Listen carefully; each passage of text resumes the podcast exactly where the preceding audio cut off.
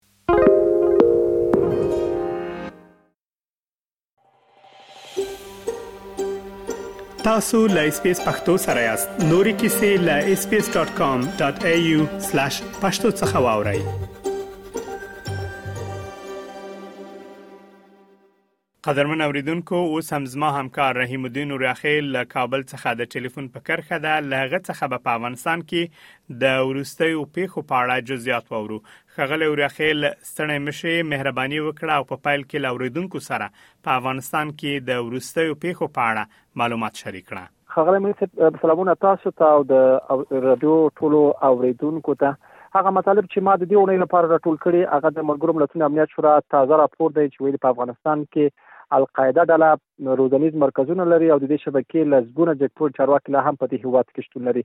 دویمه مسله هم د افغانستان د بیارغونې لپاره د امریکا د سرمفتش ادارې یا سیګار راپور دی چې په هغه کې ویلي د طالبانو له بیا واکمنۍ وروسته ملګرو ملتونو له افغانستان سره 2.5 نهه میلیارده ډالره مرسته کړې. درېیمه موضوع هم د ښځو د اعتراضونو د غورځنګ مخکښو غړو ملګرو ملتونو ته یو پرانستلیک لېږلی چې په هغه کې د دوحې په ناسته کې د ښځو د ګډون غوښتنه کړې ده او درېیمه مسله وروستۍ مسله هم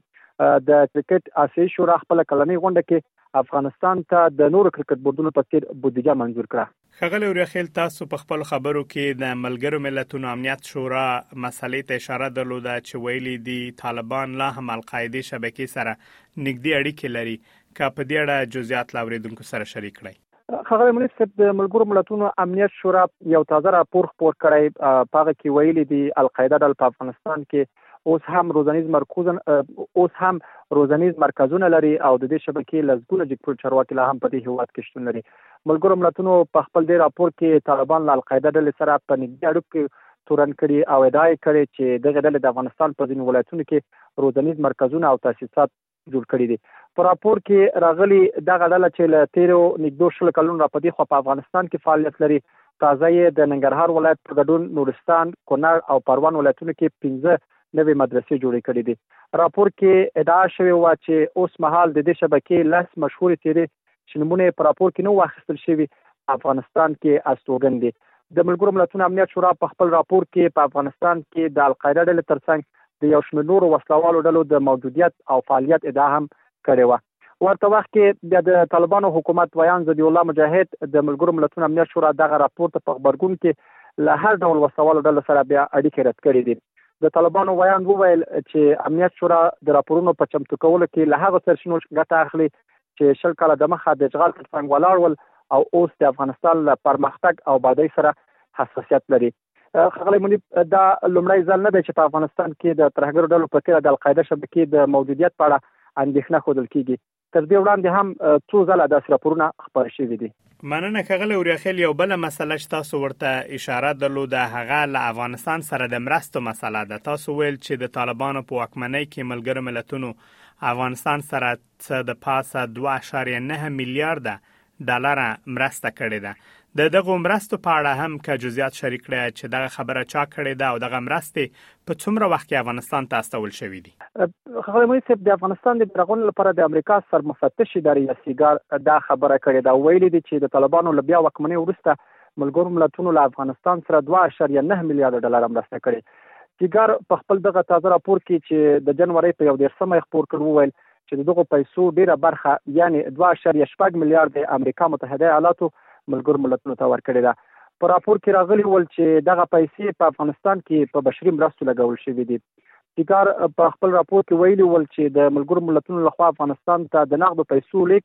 د طالبانو حکومت ته هم ګټه رسولې هغه ځکه چې ملګرو ملتونو په افغانستان کې د خپل چارو د مخ پر مخولو لپاره افغانۍ ته اړتیا لري او هغوی ډالر د افغانستان بانک کې پر افغانۍ بدلوي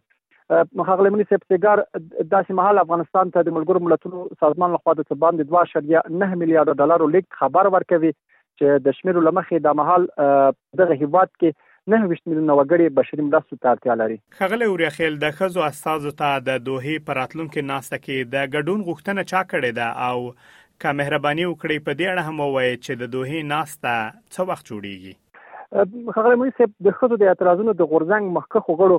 ملګرو ملتونو ته د یو پرانسلیک لارې د دوهې په ناسته کې د خزو د ګډون غوښتنه کړې ده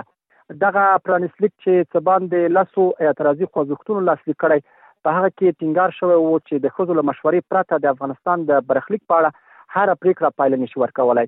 په دغه لیک کې ویل شوی ول چې د ښځو معنادار شتون حیاتي ارزښت لري ځکه په افغانستان کې د نجونو د خپل سر یې نیولو ترڅنګ قتلونه او د جنسیتي تبعیض د دودونو په ګډون د دوی له حقونو سرغړونې روانې دي. ښاغلی منیب صاحب د ښځو د اعتراضونو د غورځنګ مخکښو غړو داسې مهال ملګرو ملتونو ته دغه پرانیست لیک استولی چې ټاکل شوې د روانې فبرورۍ په اتلسمه او نسمه دوحه کې د افغانستان په اړه د ملګرو ملتونو د یو البته دوحه د افغانستان په اړه د ملګرو ملتونو د یوې غونډې کوربه وي چې هغه ته طالب چارواکي هم وربلل شوي دي. وریاخیل صاحب تاسو په پیل کې د کرکټ یو خبر ته هم اشاره درلوده او تاسو ویل چې د کرکټ آسیایي شورا پریکړه کړې ترڅو د افغانستان کرکټ بورډ ته هم د نورو کرکټ بورډونو په څیر بودیجه وټاکي که مهرباني وکړئ په دې اړه هم له اوریدونکو سره معلومات شریک کړئ خغلی مونی صاحب د کرکټ اسیایي شورا خپل کلنۍ غونډه تر سره کړه او په غونډه کې د افغانستان کرکټ بورډ ته د نورو کرکټ بورډونو په څیر بودیجه ورکړې ده دا خبره د افغانستان کرکټ بورډ په خپل فیسبوک پاڼه خبره کړې و او ویلي ول چې د کرکټ اسیایي شورا په خپل کلنۍ غونډه کې چې په هغه کې د افغانستان کرکټ بورډ رئیس میرویس اشرف هم ګډون کړی وو دغه پریکړه کړې ده د اسیا شورا د دغه پریکړې لمخې لدی ورسته په افغانستان کرکټ بورډ ته د هند، پاکستان، سریلانکا او بنگلاديش په څیر د کرکټ بورډونو البته د هند د اسیا شورا د دغه پریکړې لمخې لدې وروسته به افغانستان کرکټ بورډ ته د هند، پاکستان، سریلانکا او بنگلادیش د کرکټ بورډونو په څیر بودیجه ورکول کیږي. کرکټ بورډ په خپل خبرپاڼه کې دا نه ویلي چې اسیایي شورا د غړو هیوادونو البته دغه هیوادونه چې ما مخکې یاد کړل دغه هیوادونو کرکټ بورډونو ته څومره بودیجه ورکوي. ښاغلی اوریاخیل ډېره زیاته مننه چې دغه معلومات مو له اورېدونکو سره شریک کړه مننه ښاغلی مولوي صاحب تاسو نه هم که غواړئ دغه سنوري کیسې هم او رینو د خپل پودکاسټ ګوګل پودکاسټ یا هم د خپل خاكي پر پودکاسټ یو اورئ